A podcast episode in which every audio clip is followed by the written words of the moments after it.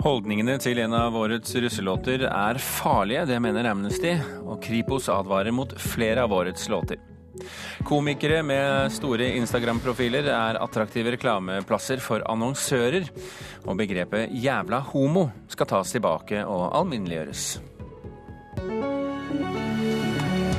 Ny kampanje på gang, altså. Jævla homo skal eh, bli vanlig. Du hører mer om dette litt senere i Kulturnytt. Først skal vi til eh, saken om en russebil i Østfold som har misbrukt Amnestys voldtektskampanje i sin låt og musikkvideo. Amnesty anser holdninger som kommer frem i russelåten som farlig, og Kripos advarer nå mot innholdet i flere av årets russelåter. Debatten rundt årets russelåter har startet, og i år som i fjor får flere kritikk for grove tekster. Smålendenes avis har nylig skrevet om en russebil fra Østfold som har misbrukt Amnestys voldtektskampanje i sin musikkvideo, hvor det blant annet synges di er passe brisen da.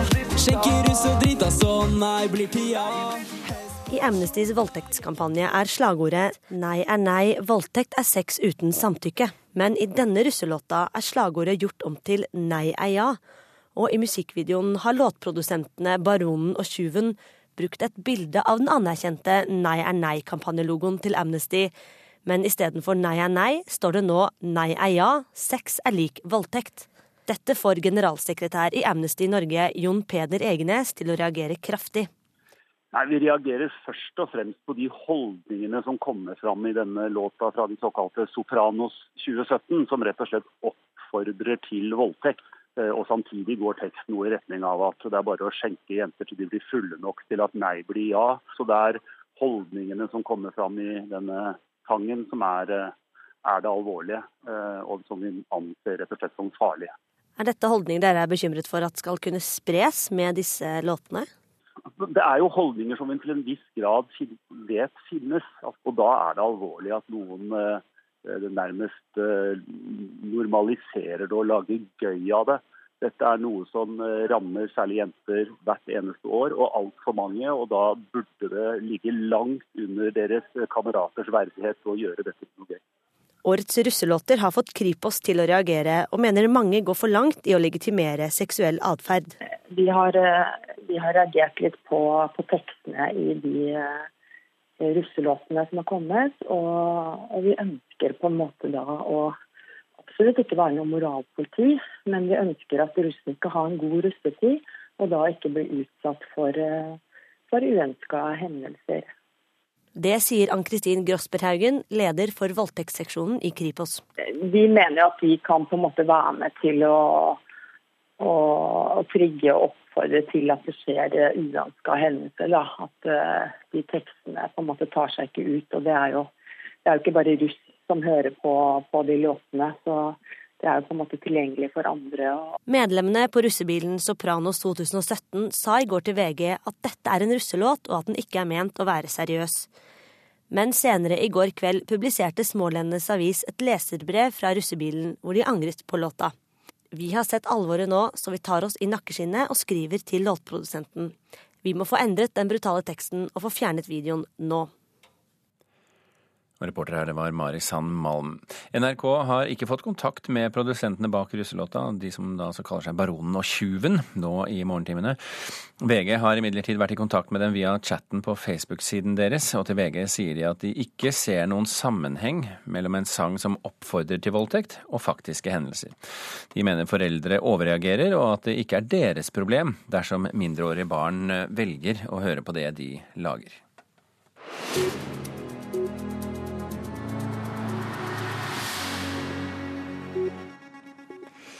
Kreative næringer er blant bransjene som er blitt omtalt som den nye oljen, men norske bedriftsledere bruker stort sett kulturbransjen til reklame og eventer. Det viser en ny BI-undersøkelse gjennomført blant 500 bedriftsledere, og som Klassekampen skriver om i dag. BI-professor Anne-Britt Gran mener en av hovedårsakene er at kunstutdanningene ikke lærer studentene å selge kompetansen sin.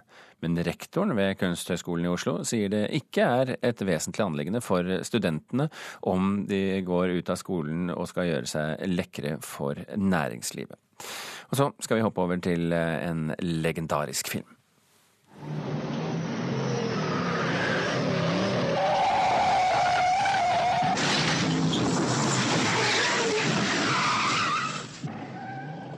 Det skal kanskje være eks ekstra blodfan hvis du hører at dette er fra bilscenene i filmen Bullet. De er nemlig 49 år gamle.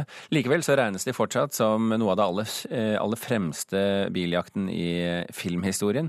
Og nå er bilen som hovedrolleinnehaver Steve McQueen kjører, den er funnet. Den grønne Ford Mustangen av typen fastback eh, fra 1968, den forsvant kort tid etter innspillingen, men nå er den funnet på en søppelplass i Mexico. Det er Dagbladet som har plukket opp denne saken fra CBS News, og overfor Dagbladet så kaller styrelederen i, Norsk Mustang Club funnet intet mindre enn et film- og bilhistorisk under. Komikere med store Instagram-profiler er attraktive reklameplasser for annonsører. Humorist Espen Lervåg f.eks. Han innledet et samarbeid med Claes Olsson om en kampanje, og skal nå også samarbeide med Coca-Cola. Men det er viktig for ham å selv styre hva som skal lages. Ja, jeg lagde totalt 26 filmer. Totalt hadde de 26 filmene 613 808 visninger. 1100 eh, positive kommentarer. Espen Lervåg oppsummerer hvor mange som fikk med seg humorjulekalenderen som han lagde i et reklamesamarbeid med Claes Olsson. Før jul la han hver dag ut en video på Instagram-kontoen sin hvor han gir meningsløse gaver fra Claes Olssons sortiment til sin nyfødte sønn Edvin. Gaver som egentlig var til han sjøl. Se hva vi har fått i pakkekalenderen. Du, da? Det er walkietalkie! Lervåg er tilknytta Showbirds, et selskap som har knytta til seg kjente personer med mange følgere på sosiale medier. De legger til rette for at her profilene kan samarbeide med annonsører om reklame og markedsføring. Antallet reklamekroner plassert i sosiale medier i Norge har økt med 70% bare det siste året. Og Espen Lervåg er en reklamekanal som er attraktiv for annonsørene. Han har 50 000 følgere på Instagram, og innleggene hans kan nå opp mot 3,2 millioner brukere. Hvis jeg kan bruke de, den kanalen min, hvis jeg kan tjene penger på det, så gagner jo det meg på en måte i det lange løp. Det gjør det. Vi skal jo tjene penger, alle mann. Mange komikere driver med standup ved sida av for å tjene penger. Det er ikke noe for Lervåg. Så må jeg jo tjene penger, og de fleste får jula til å gå rundt med å gjøre standup i ny og ne. Så istedenfor å gjøre det, så må jeg finne andre inntektskilder. Og da har jo sosiale medier kommet som et godt eh, tilskudd for meg der, da. Eh, og istedenfor at jeg driver med sånn halvgod standup, så er det bedre å holde på med litt sånn halvgod Instagram-profil. Espen Lervåg er slett ikke den eneste som gjør det her. Også komiker Herman Flesvig har gjort reklameoppdrag for Kiwi og Let Go, hvor han har laga sponsa innhold som har nådd ut til hans nærmere 100 000 Instagram-følgere.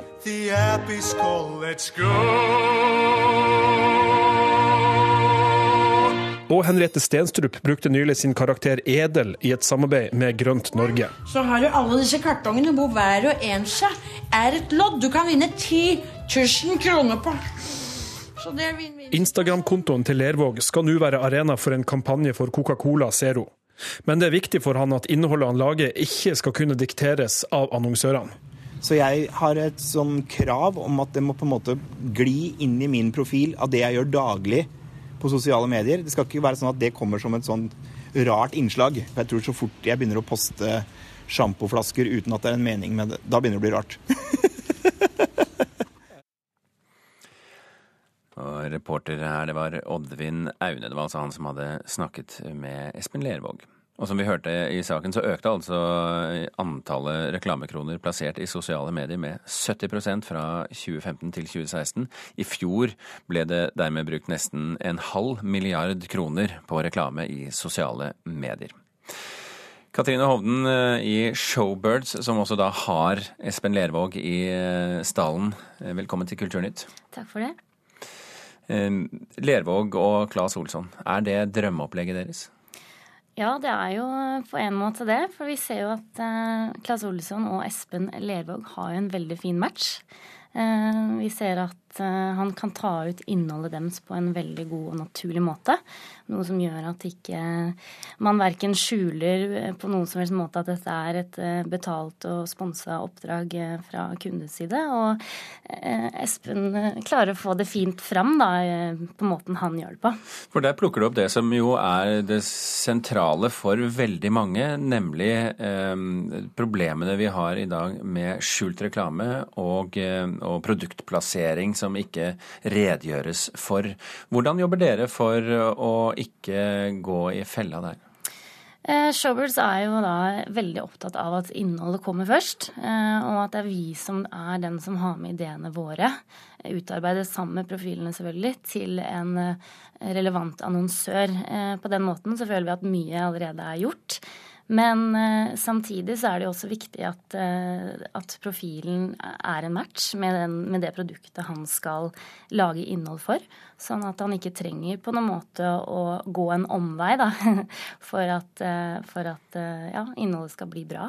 For, for veldig mange ja, Nå skal jeg omformulere spørsmålet. Vi har, vi, vi har stadig vekk saker om særlig bloggere mm. som fremstiller ting som en helt naturlig naturlig ting i deres hverdag, og så viser det seg at det er et reklameoppdrag. Hvordan unngår dere å havne i sånne situasjoner? Nei, Vi prøver jo å merke alt så tydelig som mulig. Eh, det er jo ikke noe, trenger ikke å legge noe skjul på at eh, det man gjør er kommersielt, eller at det er eh, sponsa. Og at ja, produktet får den synligheten den fortjener, egentlig. Nå er, hørte vi her altså denne undersøkelsen viser at uh, dette markedet totalt sett er på en uh, halv milliard kroner. Mm. Det er store penger etter hvert. Ja, absolutt. Eh, og det er jo uh, i dag bare registrert sikkert 3,1 millioner brukere bare på Facebook. Så det er jo ikke så rart at uh, mediemarkedet er i endring og fortsetter å endre seg veldig raskt. Men, men hvor, hvor, stort kan dette markedet bli da? Hva, hva, snakker dere om når dere sitter på lunsjen og strategimøtene deres? Nei, altså eh, Det er jo Man vet jo aldri hva som vil skje framover. Men vi håper jo at det fortsetter å vokse. Og vi ser jo det på alle de tradisjonelle mediene at nå går ting eh, kanskje raskere nedover enn før. Så det skaper jo enda større muligheter eh, for videre vekst da, i mm. sosiale medier. Tusen hjertelig takk, Katrine Hovden i firmaet Showbirds, for at du kom til Kulturnytt og redegjorde. Klokken har passert 15 eh, minutter over åtte. Du hører på Kulturnytt, og dette er toppsakene i Nyhetsmorgen nå. Senterpartiet når en eh, ny topp på NRKs meningsmåling for mars, med en oppslutning på 10,9% Nå skal også Donald Trumps nye innreiseforbud for retten. En føderal eh, dommer i Hawaii har sagt ja til en rettslig høring. Og i Sverige pågår en omfattende jakt på gjerningspersonene etter at to menn ble skutt i Stockholm i går kveld. Når finalen i Melodi Grand Prix synges i vei i Oslo Spektrum lørdag kveld, så går produsentene tilbake til en gammel vinnerformel. En internasjonal jury skal være med på å plukke ut den beste kandidaten. Nå er det klart hvilke land som skal være med og velge den norske vinneren. Vi skal jo vinne Eurovision. Vi skal jo ha dette arrangementet tilbake til Oslo og Norge.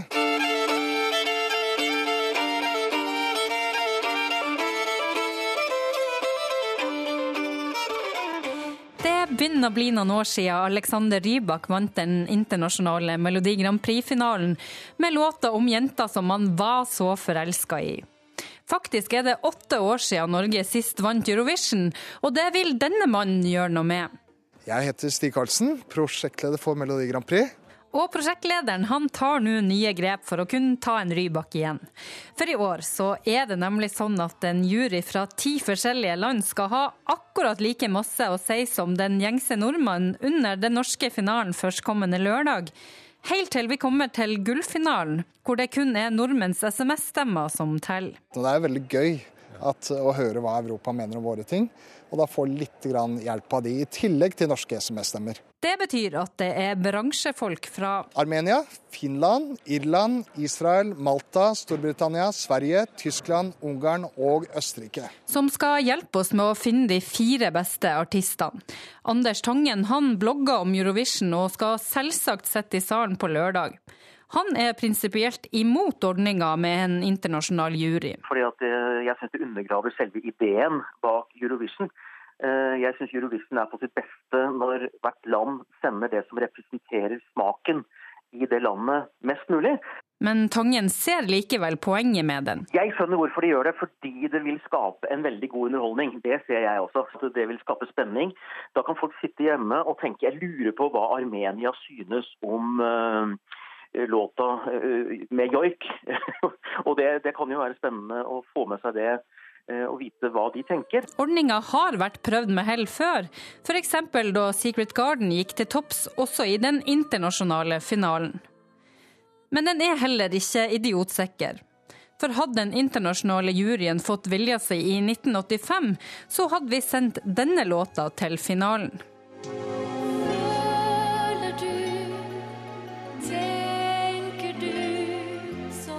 Og ikke til forkleinelse for Anita Skorgan, men du husker kanskje vinnerlåta bedre?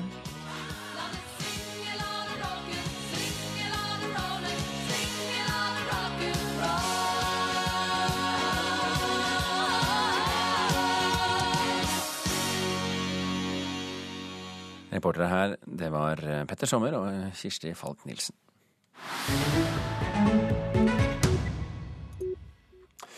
Det siste døgnet så har kjente fjes og stemmer lagt ut bilder av seg selv i sosiale medier med caps eller en genser med påskriften 'jævla homo'.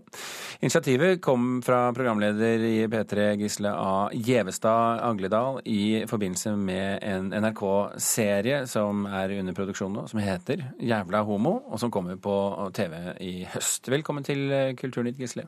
Takk. Hva syns du om mottakelsen av kampanjen eh, så langt? Du, det smalt, vil jeg si. Jeg tror det var umulig å unngå å få med seg uh, få med seg jævla homo i de to siste dagene. Um, over all forventning. Vi har fått hundrevis av meldinger fra folk som har lyst til å gå med skjellsordet trykka på brystet sitt, de også. Så, du kaller det skjellsord fremdeles? Ja, det var jo litt Planen vår var jo egentlig å ødelegge det litt som skjellsord. Mm. Men eh, for, for, det er jo et av de mest brukte skjellsordene i skolegården i, fortsatt nå i 2017. Og det at det er et av de mest brukte skjellsordene, tyder jo på at eh, veldig mange syns at det er noe negativt å være skeiv var det vi har lyst til å gjøre noe med. da. Mm. Men, men, er det ikke en viss fare for at dere da legitimerer begrepet 'jævla homo'? At dere ønsker å ufarliggjøre det, men at eh, folk nå tar lettere til det fordi det liksom Da er det greit? Jeg, jeg tror at uh, hvis man får det slengt etter seg, samtidig som du ser uh, store forbilder, veldig fine folk, trykke det til seg på brystet sitt, så gjør det ikke like vondt å få slengt det etter seg i skolegården. Men hvorfor gjør dere det, dette her akkurat nå? Vi er jo i gang med den TV-serien eh, du nevnte, som er et uh, journalistisk prosjekt. En dokumentarserie om hvordan det er å være skeiv i Norge på godt og vondt.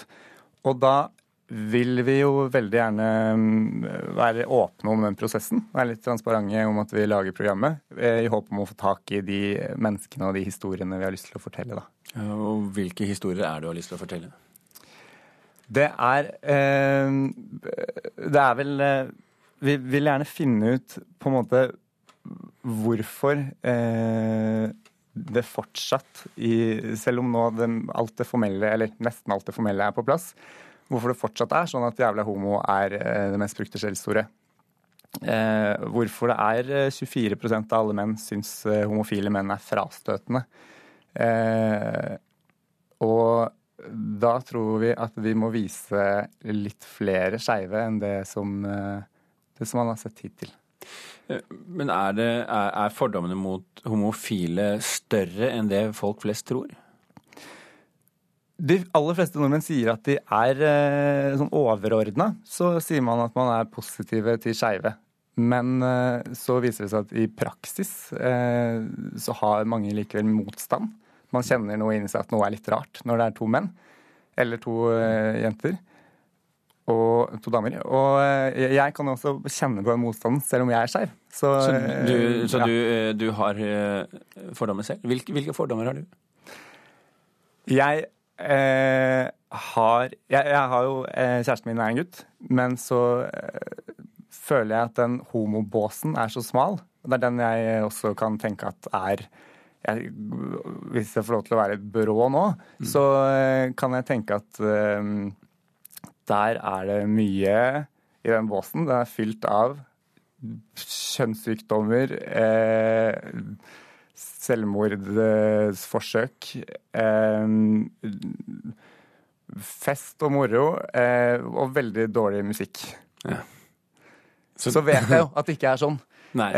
Um, så, så, du er selv, selv fordomsfull mot homofile? Så dette kan jo være et dannelsesprosjekt også for deg, med andre ord? Ja, jeg har en vei å gå selv. Jeg har det. okay. du, tusen hjertelig takk, Gisle Gjevestad Agledal, for at du kom til Kulturnytt, og lykke til med prosjektet. Tusen takk.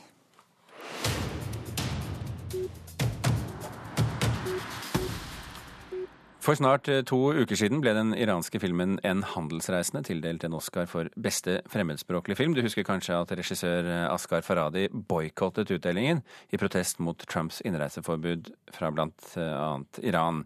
I morgen så kommer denne filmen til norske kinoer, og NRKs filmkritiker Birger Vestmo han syns det er et godt spilt drama, som blir mer spennende enn man kanskje skulle tro. فکر کردم سرش گیج رفته حالش بد شد والا ما نمیدونیم چی شد En handelsreisende forteller en bevegende og engasjerende historie om skam og ydmykelse i Teheran. Filmen forteller hvordan en voldelig hendelse utløser en krise for ekteparet som rammes. Askar Farhadi har regissert et interessant drama med en universell emosjonell resonans.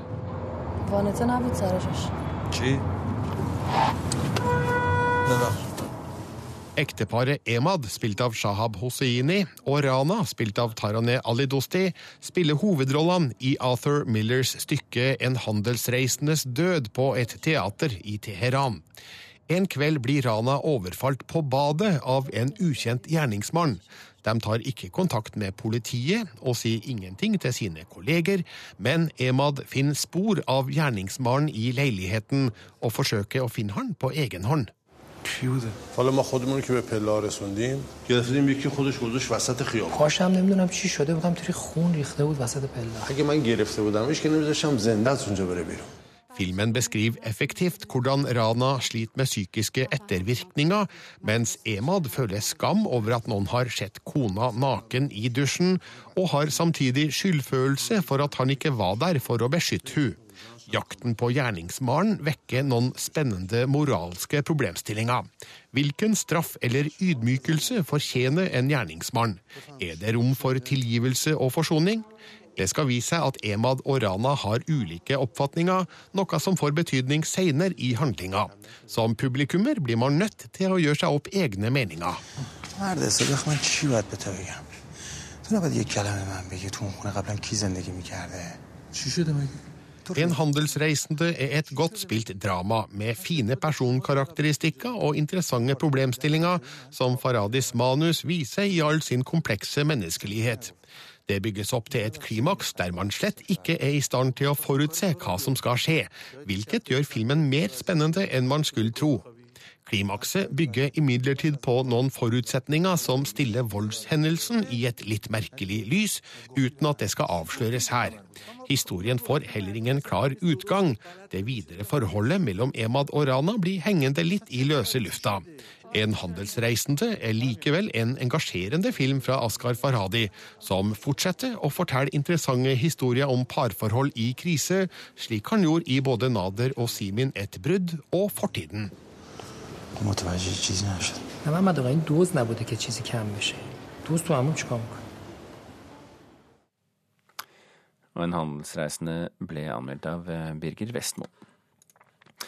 Jon Michelets romanhelt eh, Halvor Skramstad seiler nå inn på teaterscenen. Med et eh, samlet opplag på over 700 000 eksemplarer, så har bokserien om den unge krigsseileren fra Rena vært en av de store norske litterære suksessene de seneste årene. I slutten av april så tar Teater Innlandet Skogsmatrosen med på turné i Skramstads hjemtrakter i Hedmark og Oppland, og prøvene de er i full gang. En robåt til Kina det går jo passe fort. Espen Mauno er skuespilleren som skal gi liv til Jon Michelet sin kjente romanfigur Halvor Skramstad. Det er garantert mange som har et veldig klart bilde av hvem han her fyren er. Og ja, jeg må bare eh, fylle han med, med eh, de sidene av meg sjøl som jeg kjenner igjen i, i han. da.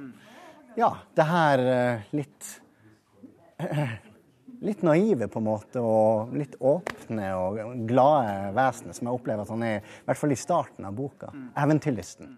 Her er det en som har skrevet om sin uh, farfar, som var krigsseiler.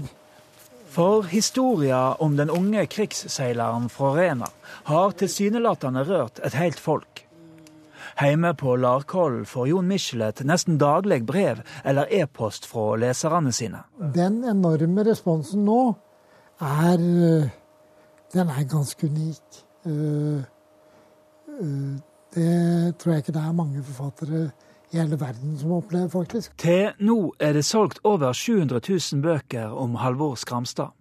Michelet er glad for at han nå ble tatt til teaterscenen. Jeg hadde jo ikke regna med det, og, men jeg syns det er fint fordi uh, at Skogsmatrosen uh, blir en scenefigur i Innlandet, det er med på å løfte opp en hel gruppe av sjøfolk som har vært så grundig glemt. Vi jobber med boka frem til krigsutbruddet. Teatersjef Janne Langås jakter på historier fra egen region. Halvor kommer fra Rena. Eh, vi leter etter stykker og stoff og materiale som vi føler hører til i denne regionen. Derfor mener hun at nettopp Skogsmatrosen er et godt valg for Teater Innlandet. Og så er det selvfølgelig fristende at eh, det er så mange som kjenner historien. Eh, mange som er nysgjerrig på hvordan dette skal gjøres på en scene. Det gleder vi oss til å vise. Reporter i denne saken, det var Arne Sørenes. Klokken er snart halv ni, og det betyr at Dagsnytt er på vei. Etter Dagsnytt så kommer Nyhetsmorgen i det videre, og bl.a. snakker om innreiseforbudet i USA. Gjermund Jappé og Birgit Kolsrud Aasund takker for følget. Snart blir det forbudt med vanlig fyringsolje, men svært få søker om støtte til å bytte ut fyrkjelen. En ny oppfinnelse kan påvise om det er dop i drinken. Her er NRK Dagsnytt, klokka er 8.30.